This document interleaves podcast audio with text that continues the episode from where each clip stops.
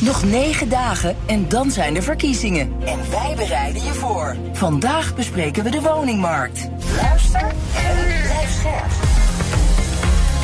BNR Nieuwsradio. The Big Five. Art Rooijakkers. In 2050 moet Nederland klimaatneutraal zijn. En dat betekent dat de grote uitstoters flink aan de bak moeten. Welke gesprekken voeren topbestuurders hierover in de boardroom? Wat is de rol van Den Haag? Wat is de sleutel tot verduurzaming? Dat bespreek ik in BNR's Big Five van de grote uitstoters... met de top van het bedrijfsleven, maar ook met de strijders... die de boel via rechtszaken bijvoorbeeld in beweging proberen te krijgen. Vandaag is dat Marjan Minnesma, oprichter en directeur van Urgenda. Dat een organisatie die werkt aan verduurzaming van Nederland. Ze is ook ondernemer. Met haar bedrijf Thuisbaas haalt ze woningen van het gas. Welkom. Goedemorgen. We gaan het uh, hebben over de gesprekken met de industrie die, die jullie voeren. Maar ik wil graag twee dingen van u weten. Allereerst, uh, Urgenda streeft naar 100% duurzame energie in 2030. Hoe, hoe, ja, hoe gaat u het bedrijfsleven daarin meekrijgen? Nou, ik denk dat het belangrijk is om te weten dat, dat 2030 is noodzakelijk als je het serieus neemt dat je onder de anderhalve graad opwarming wilt blijven. Want we hebben zeg maar nog een hoeveelheid CO2 die we kunnen uitstoten en dan zit je op die anderhalf. En dat zogenaamde carbon budget, dat is gewoon op over ruim zes jaar. Dus dat is de reden dat het 2030 staat. Ik ben natuurlijk niet naïef, dus ik weet ook wel dat dat inmiddels uh, best dichtbij is. Want wij roepen dat al vanaf 2012. Toen hadden we nog 18 jaar, dat lijkt dan heel lang. Mm -hmm. uh, dus je kunt het nu niet meer doen op een gewone poldermanier, zelfs niet met een transitie aanpakken. Het moet, het moet radicaal, het meest ja, het populaire woord op dit moment in de campagne. Nou, het moet op een soort crisisaanpak wat we hebben gehad met corona en met Oekraïne. Dat soort snelheid heb je eigenlijk nodig, wil je anderhalve graad in zicht houden. En alles wat je langer neemt, weet je dat je richting twee graden en meer gaat. Ja, en als je precies weet wat dat betekent, dan wil je eigenlijk toch wel liever op anderhalf blijven steken. Wetende dat dat voor heel veel mensen zal voelen als een hele grote, bijna onmogelijke opgave. Maar ik denk dat als je weet wat de gevolgen zijn als je over die twee graden heen gaat, dat je dan misschien het toch wel zou doen. Als je even 50 jaar vooruitgeschopt zou kunnen worden. En dan terugkijkend denkt van, hmm, had ik maar op tijd begonnen. Schets die gevolgen nog eens dan? Nou, hele grote delen van de wereld hebben dan geen water meer. En dus ook geen landbouw. Gaan uh, gewoon heel veel mensen op drift. Uh, wat je nu al ziet, hè, te veel water, soms te weinig. Dus overstromingen, modderstromen, bosbranden. Nou, dat allemaal gewoon nog vele, vele, vele malen meer dan het afgelopen half jaar. Hm. En dat betekent gewoon op, voor heel veel mensen een onleefbare plek. En die gaan op drift. Dus het wordt een hele onrustige wereld van, van honderden miljoenen mensen die naar andere plekken willen. En dus bijvoorbeeld de hele Sub-Sahara, die gaat naar het noorden. Daar wonen nu 200 miljoen mensen. Als die naar het noorden gaan, net als de Syriërs uh, een heel aantal jaar geleden, ja, dan wordt, worden wij niet blij, denk ik. Tweede vraag. U heeft onlangs een prestigieuze prijs gewonnen voor de inspanningen voor het klimaat, de Groene Nobelprijs. Uh, ik citeer de jury. De winnaars geven ons een reden voor hoop en herinneren, herinneren ons eraan wat er in het licht van tegenspoed kan worden bereikt. Blijft u zelf hoopvol? Nou, ik zie dus toch wel heel veel veranderingen. Want als je al 30 jaar hiermee bezig bent, dan zie je ook wel dat het beweegt. Dus we gaan eigenlijk wel de goede kant op. Het gaat vooral over snelheid. Het ja. moet gewoon sneller. Ja. Dat is, dat is de hoop dan? Dat het... Nou, ik zie ook natuurlijk, ik kom heel veel koplopers tegen. Ik zie ook die grote bedrijven echt wel willen. Mm -hmm. Het gaat erom, worden ze in staat gesteld of gepusht om het zo snel te doen als noodzakelijk is? En dat is eigenlijk het grootste vraagstuk nu. Hoe gaan we gewoon een enorme versnelling creëren? Ja. Gisteren was u, en net als Greta Thunberg trouwens, bij de Mars voor Klimaat en Rechtvaardigheid. 85.000 mensen liepen ermee, indrukwekkend aantal. Die, op Museumplein viel dat wel een beetje uit elkaar nadat het onderwerp Gaza werd aangesneden op het podium. De term from the land to the sea was te horen. Dus ik benieuwd wat bij u na afloop overheerst. Trots of teleurstelling? Nou, wij hebben anderhalf uur in de straat gestaan voor de dam, voor we überhaupt konden lopen. Dus het was enorm veel mensen. En ik heb daar helemaal niets gezien van Gaza of wat dan ook. Het waren gewoon heel veel mensen uit alle geledingen met bordjes. Nee, het gebeurde op het Museumplein. Komisch. Was, ja, en dus tegen de tijd dat wij op het Museumplein waren, was, was dat programma al meer dan een uur bezig. Ja, ja. Um, dus ik heb daar niet heel veel van gezien, maar helemaal Vindt op het u ervan dat het zo gebeurt? Nou, op het einde waren er echt schreeuwende mensen op het podium. En toen liepen alle klimaatmensen ook massaal weg. Ja. Ik denk dat het niet heel verstandig was. Nee, omdat, waarom niet? Nou, ik denk dat je uh, nu het politiek een signaal wil geven. We moeten veel meer doen aan klimaat in een veel hoger tempo. En laten we dan niet allerlei onderwerpen door elkaar gaan gooien. Alles op één hoop gooien. Uh, het is heel complex wat er gebeurt uh, in, in Israël. En ik denk dat dat een ander onderwerp is en dat je die twee niet moet vermengen. Nee. Zullen de grote uitstoters waar we deze week over hebben zich ook maar iets aantrekken van dit soort demonstraties, denkt u? Um, nou, ik kom er natuurlijk heel veel tegen. En dat zijn ook gewoon uh, mensen met kinderen die worden aangesproken door hun kinderen op uh, pa, waarom uh, doe je niet meer? Dus het zijn natuurlijk niet abstracte wezens. Het zijn ook mensen die de krant lezen en die doorhebben dat het klimaat nu wel heel rap aan het veranderen is. Ja, de, de uitsta je ziet ook de, de opwarming van zowel de zee als het land is het afgelopen jaar enorm omhoog gegaan. Veel mm -hmm. buiten alle bandbreedtes. Dus iedereen is ongerust. En ik denk ja, voor dat valt dus wel mee, want uit peilingen van Ipsos blijkt dat kiezers, er wordt allemaal gepeild nu in die campagne, klimaat, als het gaat om de verkiezingen, pas op de vijftiende plaats zetten. Nou, ik heb dan andere lijstjes gezien waarin gewoon 75% van de mensen ongerust zijn over klimaat. Ja, nee, wel ongerust, maar er zijn andere thema's die kiezers veel belangrijker vinden. Nou ja, ik, bij mij is, ik zag hem op vier of zo staan, dus ik weet niet uh, ja, of er verschillende lijstjes zijn. Ik, uh, citeer ik nu. Maar als driekwart van de mensen ongerust is over klimaat, dan vind ik het een onderwerp waar je wat mee moet. Ik snap best dat als je um, het moeilijk hebt en je hebt geen woning en je krijgt moeilijk de, de maand rond, mm -hmm. dat je dan dat belangrijker vindt. Maar dat wil niet zeggen dat je als politicus niet vooruit moet kijken. Want als je gewoon over 50 tot 100 jaar een situatie hebt waar veel meer mensen het moeilijk hebben, mede door klimaatverandering, heb jij de verantwoordelijkheid om wel vooruit te kijken en daar actie op te ondernemen. De meeste luisteraars zullen kennen van die klimaatzaak die Urgenda aanspande tegen de Nederlandse staat. Ook won. Daarin werd uh, Nederland gedwongen om meer te doen om de uitstoot van broeikasgassen terug te dringen. Ziet u dat eigenlijk als hoogtepunt van uw carrière? Um, nou, het is maar een heel klein deel van het werk van Urgenda. Wij zijn eigenlijk um, 90% bezig met oplossingen. Dus we helpen boeren aan kruidrijk grasland. We hebben de afgelopen jaren meer dan anderhalf miljoen bomen geplant die anders dood waren gegaan. We doen ontzettend veel meer dan mensen weten, heb ik gemerkt. Mm -hmm.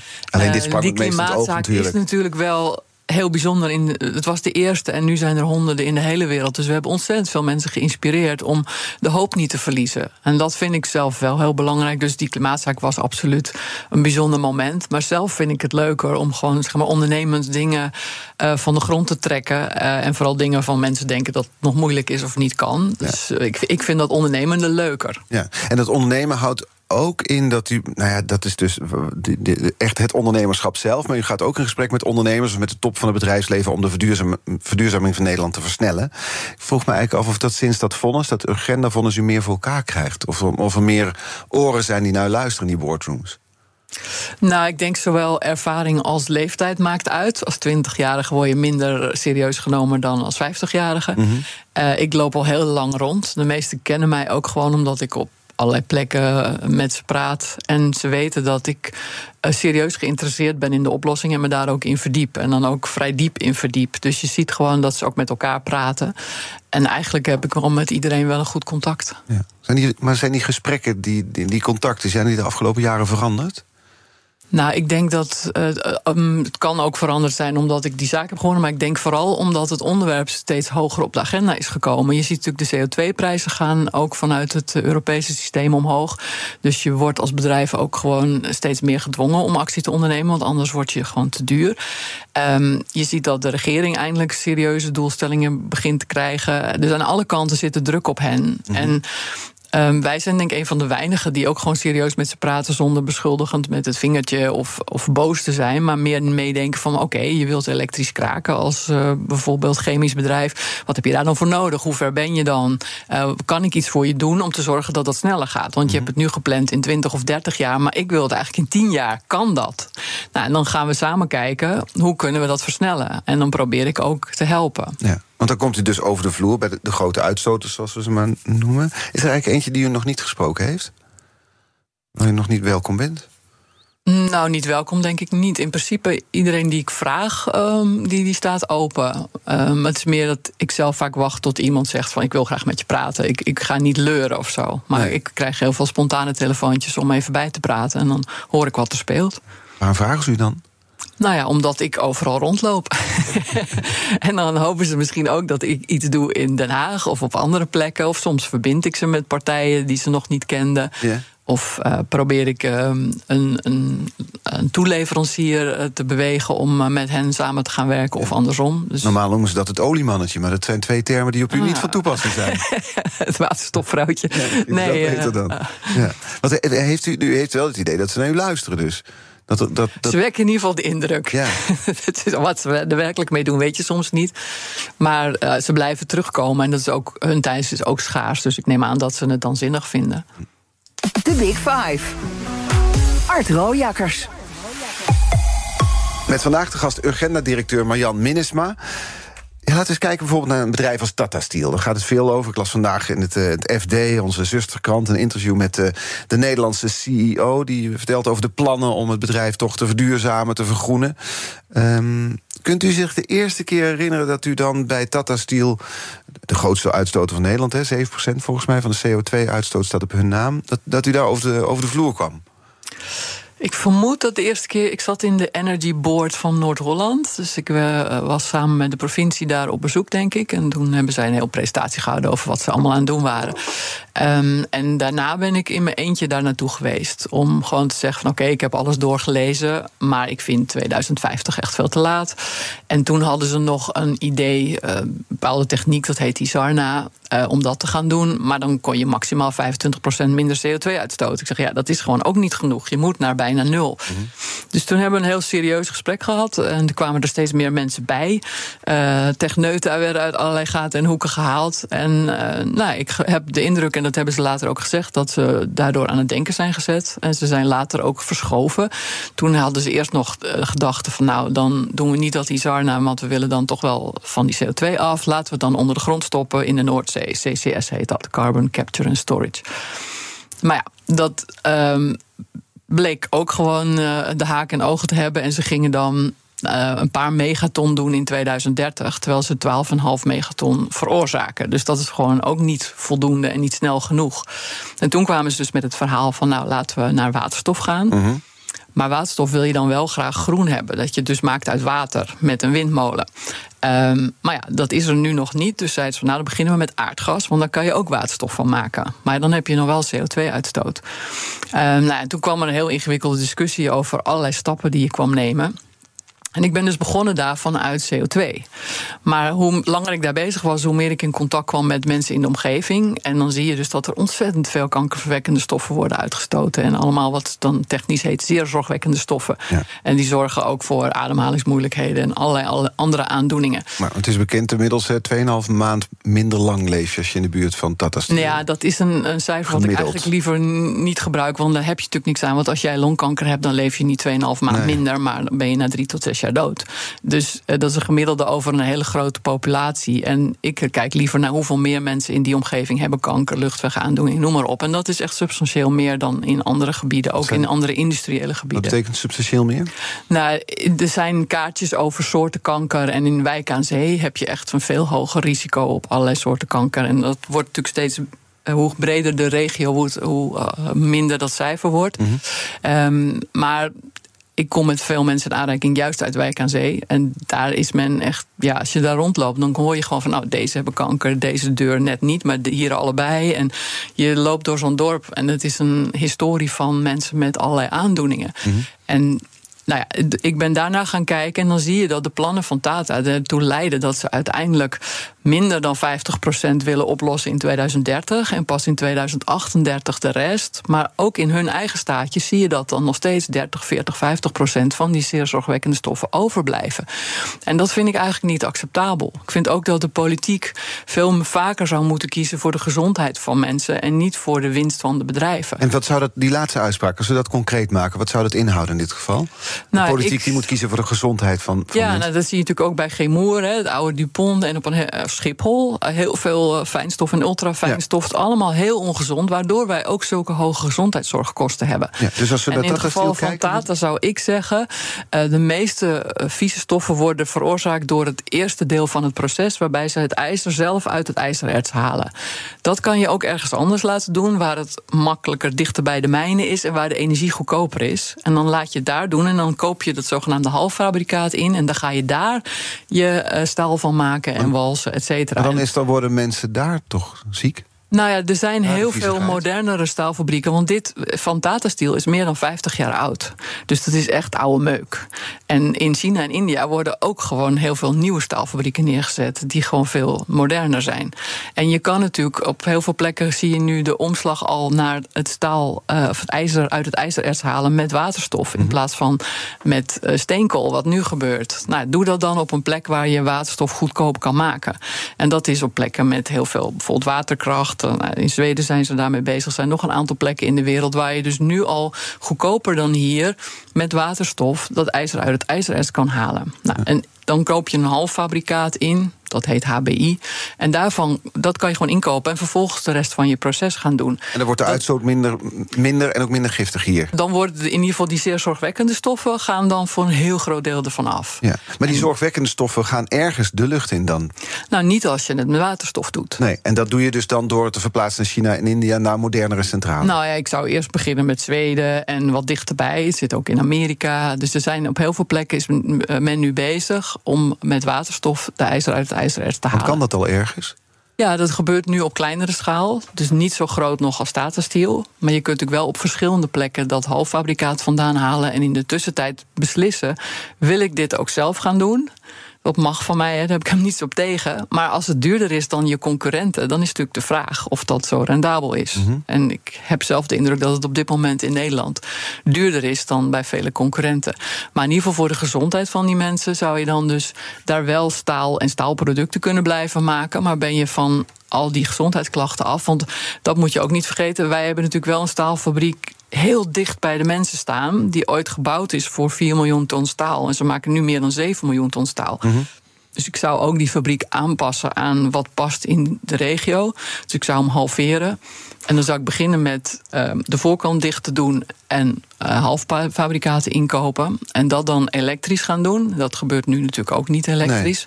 En dat willen ze ook. En dan kun je voor 2030 kun je naar, eh, op een elektrische manier met duurzame energie staal maken. Oké, dan deze boodschap. We hadden net over de zoektocht van Tata Steel van de afgelopen jaren beschreven. Van nou, hoe zij die uitstoot willen verminderen. Nu hoor ik hier de boodschap van Marjan Minister halveren, Tata Steel. Dan zegt u dat daar in de boardroom tegen de CEO. Hoe kijken ze u dan aan? Nou ja, het, het, is, zit niet in de natuur van heel veel bedrijven om uh, dat aantrekkelijk te vinden. Nee. Uh, dus die, zullen daar, die zijn daar niet enthousiast over. Maar ja, dat wat is het argument wel... wat zij geven dan? Als u zegt van dit, dit moet gebeuren als jullie willen houden aan de doelstellingen. Nou, zij zitten natuurlijk gewoon nu met 7 miljoen ton staal. En daar hebben ze contracten voor, et cetera. Nou, dan, ik vind dus, dan ga je die contracten afbouwen. Het hoeft ook niet allemaal morgen, maar het kan wel binnen een aantal jaar. En ik denk ook dat je die gezondheid dus op één zou moeten zetten. Dat daarvoor een overheid is. Dus de overheid moet tegen hen gaan zeggen: nou ja, we gaan gewoon naar een schonere omgeving. En daar past gewoon een ander soort staalbedrijf bij. Schonere omgeving met minder werkgelegenheid. Dat is dan wel een probleem. Nou ja, wij hebben uh, vorig jaar ook een rapport gemaakt dat voor iedereen bij Tata Steel zijn er op dit moment 3 tot 20 banen elders beschikbaar in de regio. Dus er is geen banentekort meer. We hebben nu mensentekort. Op alle fronten zitten mensen te springen om, om mensen, en zeker technische mensen. Dus de mensen die bij Tata Steel werken, die hebben zo een schonere nieuwe baan. Hoe problematisch is het in dit hele proces? Hè, want de oplossingen lijken er te liggen, als ik u mag geloven. Maar we hebben natuurlijk te maken met een bedrijf dat in India uiteindelijk het hoofdkantoor heeft staan. Dat heeft natuurlijk met veel veel grote uitstoters zijn onderdeel van multinationals... die ergens anders een hoofdkantoor hebben. Is dat lastig in die gesprekken? Nou, dat is voor die bedrijven zelf wel lastig. In dit geval heeft uh, Tata in India op hun jaarvergadering daar ook gezegd: wij gaan niet investeren in IJmuiden. Dus als IJmuiden zelf wat geld overhoudt, dan mogen ze dat best besteden aan het verduurzamen. Maar wij gaan het niet doen. Dat is expliciet op uh, hun aandeelhoudersvergadering gevraagd. Ja, dan denk ik: oké, jullie zijn niet bereid om voor te betalen. Moet onze regering dan wel miljarden daarvoor gaan betalen? Uh, ja dat wekt een beetje de indruk dat ze denken: nou, we blijven zo lang mogelijk doorhobbelen. En als de Nederlandse staat daar een paar miljard in wil stoppen, dan kunnen we nog wat langer doorhobbelen. En dat gebeurt natuurlijk in andere landen ook. Hè? De staalfabrikant in Duitsland heeft een grote deal gesloten met de overheid. 2 miljard wordt daar door de overheid bijgedragen aan een fabriek die staal produceert met waterstof. Ja, dat is tussen Kroep. Maar die investeren zelf ook heel veel. Dat is gewoon een hele grote, groot bedrijf daar. En die investeert ook zelf heel veel. En terwijl Tata Steel in India zegt: wij willen er niet in investeren. Nee, maar dat, dat investeren vanuit de overheid aan, dus overheid die geld geeft aan grote vervuilers om te verduurzamen. Is dat een goed idee? Ja, als je het wilt in de snelheid die nodig is, dus dat je binnen tien jaar probeert zoveel mogelijk naar nul uitstoot te gaan, dan heb je de overheid nodig. Ik snap ook dat je als bedrijf naar elkaar kijkt en denkt: ja, als ik alvast omga, maar ik word dan duurder, dan val ik dus uiteindelijk om, omdat mijn concurrenten dan mij wegduwen. Dus je moet als overheid dan ondersteunen om te zorgen dat zo'n bedrijf wat verduurzaamt ook kan blijven bestaan. Dus ik ben zeker voor ondersteuning, maar ik ben ook wel voor een overheid die eerst gaat nadenken over wie willen we dan ondersteunen en waarom. Ja, want nu kan Tata India achterover hangen. Dus, Ja, dat doen ze ook. En ehm, Nederland wil dus niet nadenken over... oké, we hebben vijf hele grote chemische fabrieken... moeten we ze alle vijf wel houden? Want die maken ook benzine en diesel voor auto's... en die hebben we straks als het goed is niet meer nodig... want we willen ook naar elektrisch rijden. Uh, dus gaan we nou alle vijf dan ondersteunen... of gaan we alleen die ondersteunen die ook verbonden zijn... aan de chemische industrie en die kunststoffen maken en dat soort dingen?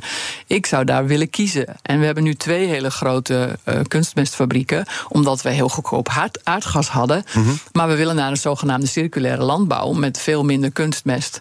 Um, wil je dan nog wel twee grote kunstmestfabrieken? En die maken dus onder andere ammoniak. Daar ja. maak je nu kunstmest van. Maar je kan ammoniak ook gebruiken om de scheepvaart op te laten varen. Dus dan zou het logisch kunnen zijn om te zeggen: nou, die aan de kust, Oceaan, uh, zit niet aan de kust, maar Yara zit wel aan de kust. Mm -hmm. Dat je dan dus zegt: nou, ik hou Yara wel en die andere niet. Nee, maar dat maar... soort keuzes durven wij niet te maken. Nee, misschien ook omdat de impact, natuurlijk, de economische impact, wel groot is. De cijfers hier: de industrie, goed voor 12% van de economie in Nederland, 10% van de banen. Als je alle bedrijvigheid rondom de industrie erbij optelt, is het zelfs 20% van de economie. Als een deel van de industrie uit Nederland moet verkleinen of uit Nederland trekt of zal verdwijnen, gaat de impact, de economische impact, dus groot zijn.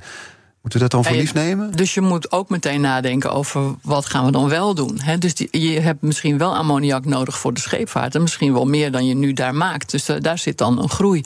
We, we willen ook naar. Het is plantaardig... geen krimp, maar het is, het is verandering, zegt u eigenlijk. Ja, we willen bijvoorbeeld naar plantaardige eiwitten. En uh, je kan ook naar microbiële eiwitten. Ik denk dat dat twee groeisectoren zijn. En daar kun je dus wel op inzetten. Nou, iedereen heeft het natuurlijk over ASML. Dus we zullen allemaal chips en weet ik wat blijven gebruiken. Dus dat is ook iets waar je op inzet. Dus ga eens kijken wat je wilt houden in een gezonde omgeving van de toekomst. En dat betekent dat er een paar omvallen, net als we ook geen kolencentrales meer uh, hebben en ook geen uh, kolenmijnen meer. Dus je verandert in de loop van de tijd. En, maar je moet ook kijken naar wat je wel wil. En we focussen altijd maar op, oh jee, we raken iets kwijt. Maar we kijken nooit naar, oh, we gaan dit bouwen. Hm. En dat vind ik jammer. En dat is zo'n visie die iemand dan ook met enige enthousiasme en verven moet uitspreken. Ja, en dat, dat willen op de een of andere manier de ministers niet. We gaan er zo over verder spreken. Ook over die klimaatrechtszaken en hoe recht, of rechtvaardig, hoe effectief ze zijn. Dat is de vraag aan Marjan Minnesma, directeur van Agenda. Blijf luisteren.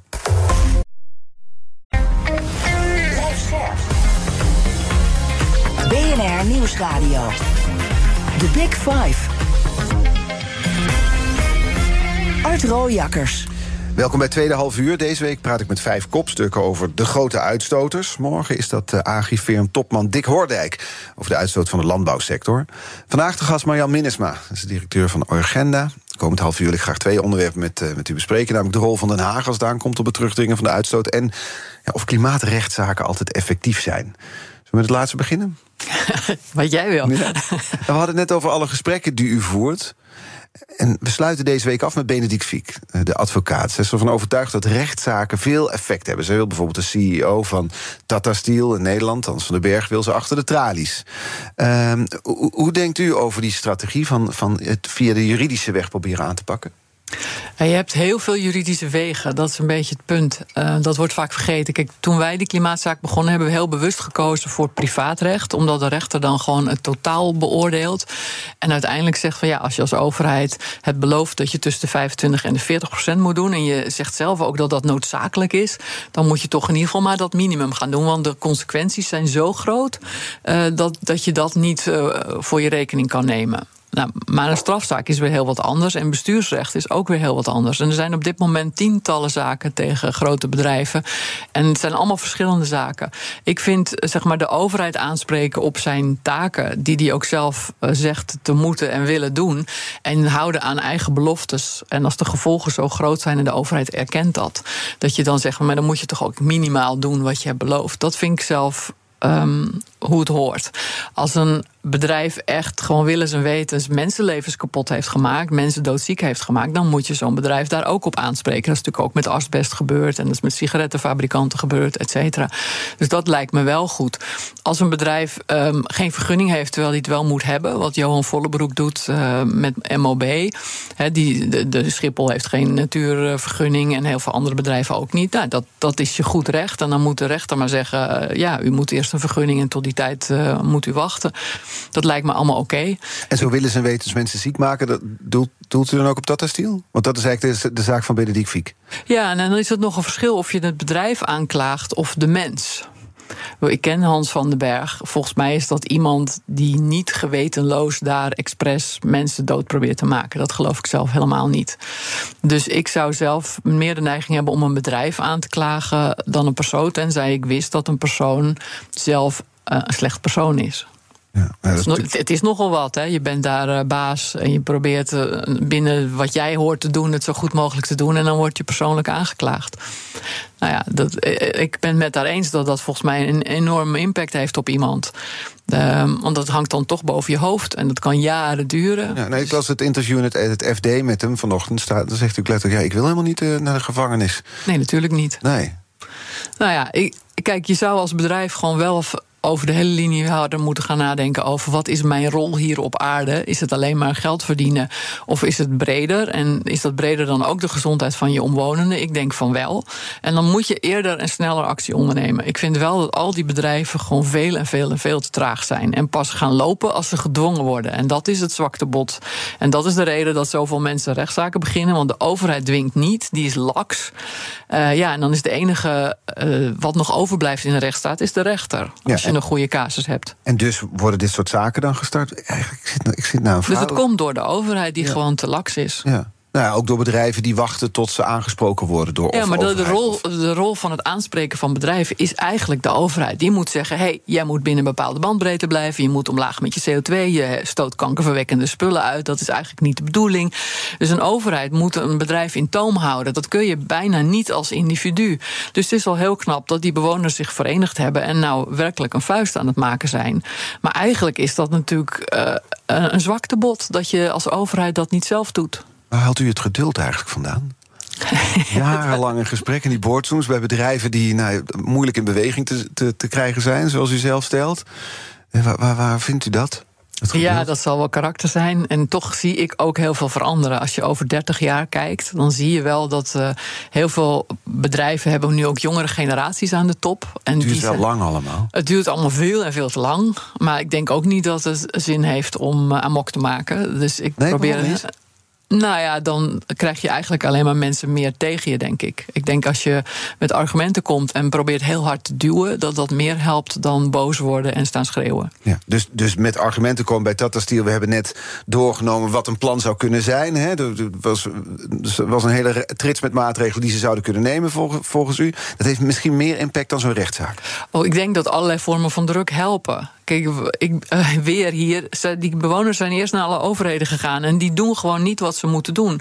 En dan uiteindelijk rechtszaken beginnen. En op allerlei andere manieren daar aan de poort staan. Ja, dat is nodig, blijkbaar. Er is heel veel druk van buiten nodig voor bedrijven in het juiste tempo gaan handelen. Dat is jammer dat ze het niet uit zichzelf doen. Maar dat is wel bewezen dat allerlei vormen van druk noodzakelijk is. En dan helpt zo'n rechtszaak ook. Ja, nou ja, maar misschien zijn er straks geen topbestuurders meer te vinden die het nog aandurven om, om een bedrijf te leiden in de industrie. In de industrie. Nou, ik denk dat er meer dan voldoende verantwoordelijke mensen zijn die graag zo'n bedrijf zouden ja, ja, willen ja, leiden. Ja, ja, ja, uh, vorige week hadden we een hele andere week hier bij BNR's Big Five. Dan hadden we lijsttrekkers te gast, net als de week daarvoor trouwens. En allemaal terug te luisteren als podcast. Diana Matroos, mijn collega, sprak op vrijdag ja 21 lijsttrekker Joost Eertmans. Die had een kettingvraag voor u. Luister even mee. Beste Marjan, uh, mijn vraag is in de week van de grote uitstoters. Um, jullie zijn altijd tegen kernenergie geweest. Um, de vraag is eigenlijk waarom. Want kernenergie is een veilige manier om uh, te produceren. Het is een schone manier om elektriciteit op te wekken. Het gebeurt al heel veel in het buitenland. En het heeft geen enkel ruimtebeslag. In ieder geval een stuk minder dan de turbines en de, en de zonnevlaktes. Dus waarom, is, waarom zijn jullie, waarom ben jij tegen kernenergie? Nou. Ik denk dat meneer Eertmans uh, nog nooit uh, op onze website heeft gekeken. Er staat geen enkel document waarin staat dat wij tegen kernenergie zijn. Dus dit is een veronderstelling. Het komt omdat uh, jullie er niet over uitlaten eigenlijk. En de oplossingen die aan worden gedragen door Urgenda is dit er niet één van? Nou, dat komt omdat wij natuurlijk mikten op 2030. En als je binnen 15 jaar, of nu inmiddels eigenlijk binnen 10 jaar, iets wilt veranderen, dan is kernenergie daar niet een onderdeel van. Want voordat een kernenergiecentrale er staat, ben je 15 jaar verder. Ja, die kleine kerncentrales, laat ik me vertellen, zijn zes, zeven jaar. Ja, nou, dat is niet waar de Nederlandse regering op mikt. Die twee nieuwe, dat zijn gewoon oude, vertrouwde kerncentrales. Want die kleintjes zijn ook nog nauwelijks uh, op de markt. Uh, dus ze kijken naar een gewone, en die duurt gewoon 10, 15 jaar. En als je naar Finland kijkt, dat is echt gewoon nou ja, qua prijs een paar keer over de kop gegaan. En um, dat duurt te lang en is heel duur. maar wat ik erover zou willen zeggen is: ik ben niet mordicus tegen kernenergie. Ik vind als je in Frankrijk een structuur hebt die heel erg gebouwd is op kernenergie, lekker laat staan als het veilig is. En laten we eerst olie, kolen en gas eruit duwen. Maar Nederland heeft een structuur gebouwd op zon en wind. We hebben enorm opgeschaald op zon en wind. We hebben hele grote plannen die al in kannen en kruiken zijn om nog veel meer wind op zee te gaan zetten de komende tien jaar. En dan is kernenergie in die mix gewoon niet een hele rendabele optie. Want die, uh, heel vaak is dus zon en wind gewoon vele malen goedkoper. Dus dan staat die kerncentrale uit. En op de dagen dat er nog geen zon en wind is, is dan het verhaal: dan zet je die kerncentrale aan. Maar veel op- en afregelen is slecht voor de levensduur van zo'n kerncentrale. Um, en ik denk dat er dan betere opties zijn in onze structuur dan een kerncentrale. Namelijk? Nou, je kan het ook uh, opslaan, bijvoorbeeld water, waterstof, wat je maar schoon maakt. Die hebben bij heel veel zoutcavernes waar we waterstof in op gaan slaan. Zoutcavernes? Ja, dus waar zout in heeft gezeten, hele grote ondergrondse opslagen waar je waterstof in kunt stoppen. En da dat kun je gebruiken in de periodes dat je tekort hebt en dan maak je daar weer elektriciteit van. Dat kan ook op een aantal andere manieren nog. Dus ik denk dat er uh, goedkopere opties zijn die beter passen in de mix van de toekomst. Want we gaan dat waterstof sowieso opslaan, omdat we het ook nodig hebben voor de industrie. Dus we gaan heel veel groene waterstof in de toekomst krijgen. En dat kunnen we deels zelf gaan maken. We kunnen het ook gaan importeren. Dat zal waarschijnlijk een mix worden. Maar die opslag is er toch. Dus dan kun je dat ook gebruiken op de periodes dat je even geen zon en wind hebt. Naast dat we gewoon batterijen gaan krijgen. Al die auto's onderdeel worden van het systeem. Dat we de toppen eraf moeten halen. We moeten ook een slimmer systeem gaan maken en gebruiken. Maar kernenergie, ik hoor geen nee, maar het is, past niet binnen de Nederlandse kernenergie oplossing. in Nederland vind ik eigenlijk dat we daarmee heel veel geld weg gaan gooien. Maar in Frankrijk laat het lekker staan. En de Duitsers hebben het natuurlijk gewoon in de verkeerde volgorde afgebouwd. Hoezo? Nou, die hadden eerst kolen moeten afbouwen en kernenergie moeten laten staan. Ja. Die zijn eerst kernenergie gaan afbouwen en beginnen nu het kolen af te bouwen. Dat is gewoon de verkeerde volgorde. Ja.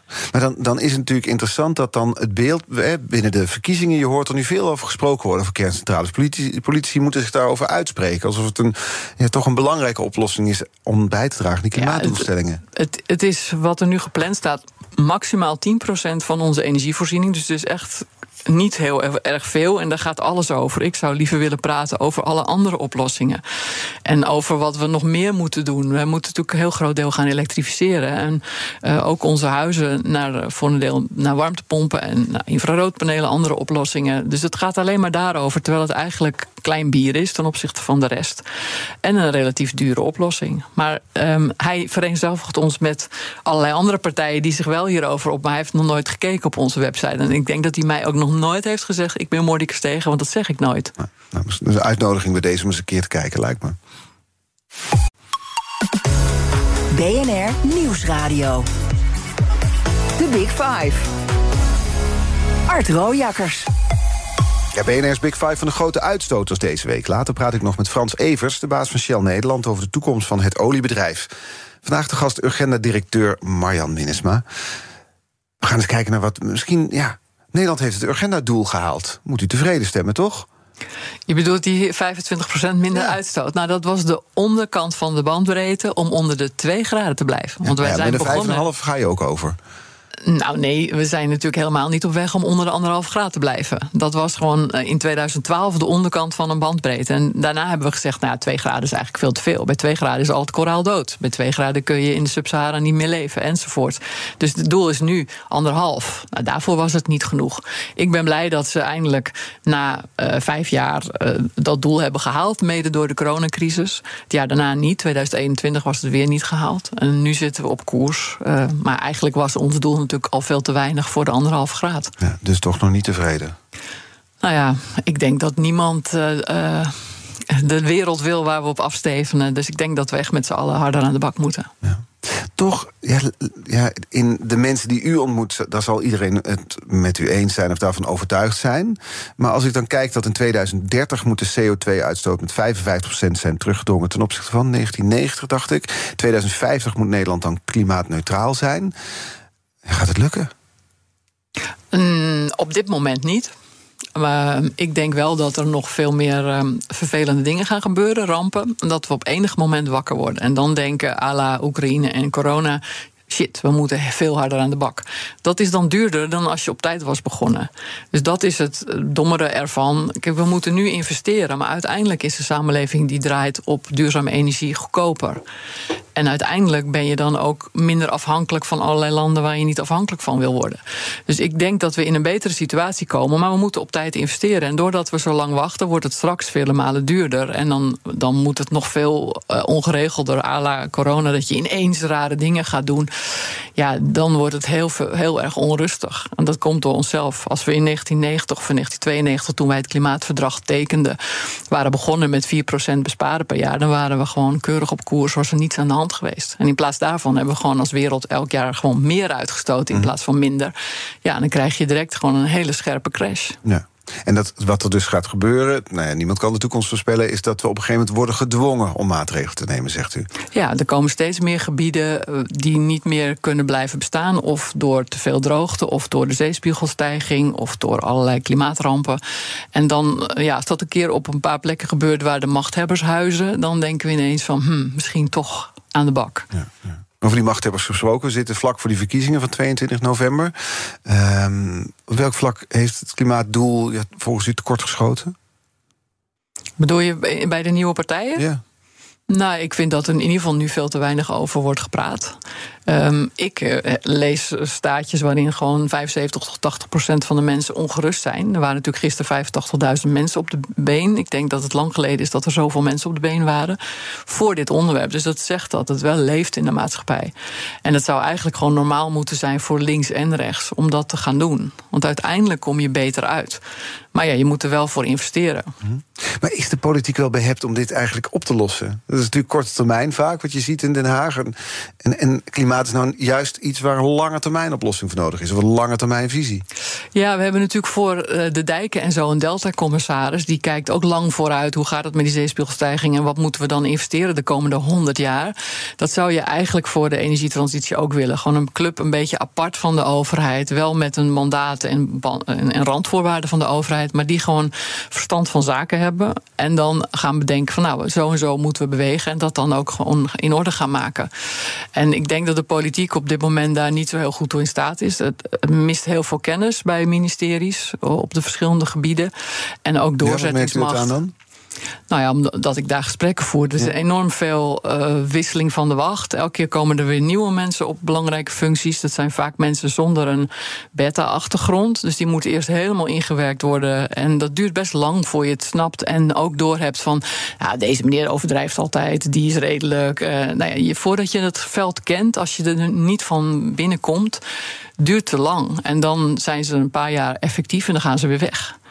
Ja, dat is eigenlijk niet oké. Dus je wilt mensen met verstand van zaken, een brede groep, ook ondernemers, die gewoon denken van, die in zo'n groep zitten en zeggen van oké, daar moeten we in gaan investeren en we gaan het zo en zo voor elkaar krijgen. En dat je dus gewoon de middelen hebt om te helpen met die investeringen. En ook om uh, vergunningen te verkorten, om de financiële wereld bij de les te houden, et cetera. Ja, dus er zou een soort delta-groep moeten komen van, men, van ja, kennis, mensen met kennis die, dat, die, die dit probleem ja, en dus niet alleen uh, boekenwijsheid, maar ook echt mensen uit de praktijk. Die weten hoe je echt iets binnen tien jaar uh, op poten zet en realiseert en, en omdraait. Bent u dus bij Rutte geweest, hè, een torentje? Ik ben daar twee keer geweest uh, in mijn leven. Ja. Niet een torentje, maar op zijn ministerie. Nou, op ministerie. Als nou straks een nieuw kabinet is, hoe snel denkt u dat u aan de beurt bent bij de nieuwe premier? Um, nou, ik denk dat dat niet vanzelf gaat gebeuren dan uh, zou ik dat echt heel expliciet moeten vragen. En ik denk dat in dit geval was ik redelijk snel bij hem, omdat we toen net die klimaatzaak hadden gewonnen. Mm -hmm. Ik denk dat een nieuwe premier die noodzaak minder voelt. Dus, uh, maar ik geloof ook niet dat dat voor mij het allerbelangrijkste is. Nee? Nee dat is dan in één keer pessimistisch. Nee, nee, ik werk liever gewoon met de bedrijven zelf. En ik ben bezig met de oplossingen dan dat ik nou per se praat met een premier die dan zegt van ja, ik heb maar algemene zaken. Uh, je moet naar de vakministers. De, de, Rutte die, die duwde alles naar de vakministers toe. Dus die zei aan mij heb je eigenlijk niets. Hm. Wie, zou wie hoopt u als premier eigenlijk daar aan te treffen bij algemene zaken of een torentje? Wie heeft het eh, meest luisterend oor? Van alle mensen die nu in de politiek zitten? Die kans maken die kans maken. Nou, ik denk dan toch Timmermans. Ja? die heeft het meest met klimaat van degene die nu ehm, hun partij leiden, volgens mij. Die kans hebben. Mhm. Want er zijn natuurlijk partijen die minder kans hebben, die, de, die nog beter zijn. Ja. Ja. Morgen is mijn gast Dick Hoordijk. Hij is topman van de Agrifirm. Dan gaan we het hebben over nee, de uitstoot van de landbouwsector. Ik zei het al. Mag ik hem een kettingvraag stellen? Wat, wat zou je van hem willen weten? Ja, nou, wij gaan uh, komende maanden komen met een nieuw rapport. Dat gaat over landgebruik. En dat gaat over, we gaan naar een derde dierlijke eiwitten, twee derde plantaardige eiwitten. En nu hebben we nog 60% dierlijke eiwitten. Dus we gaan flink minder dierlijke eiwitten eten en veel meer planten. Um, wat zou dat betekenen voor zijn bedrijf? Ja.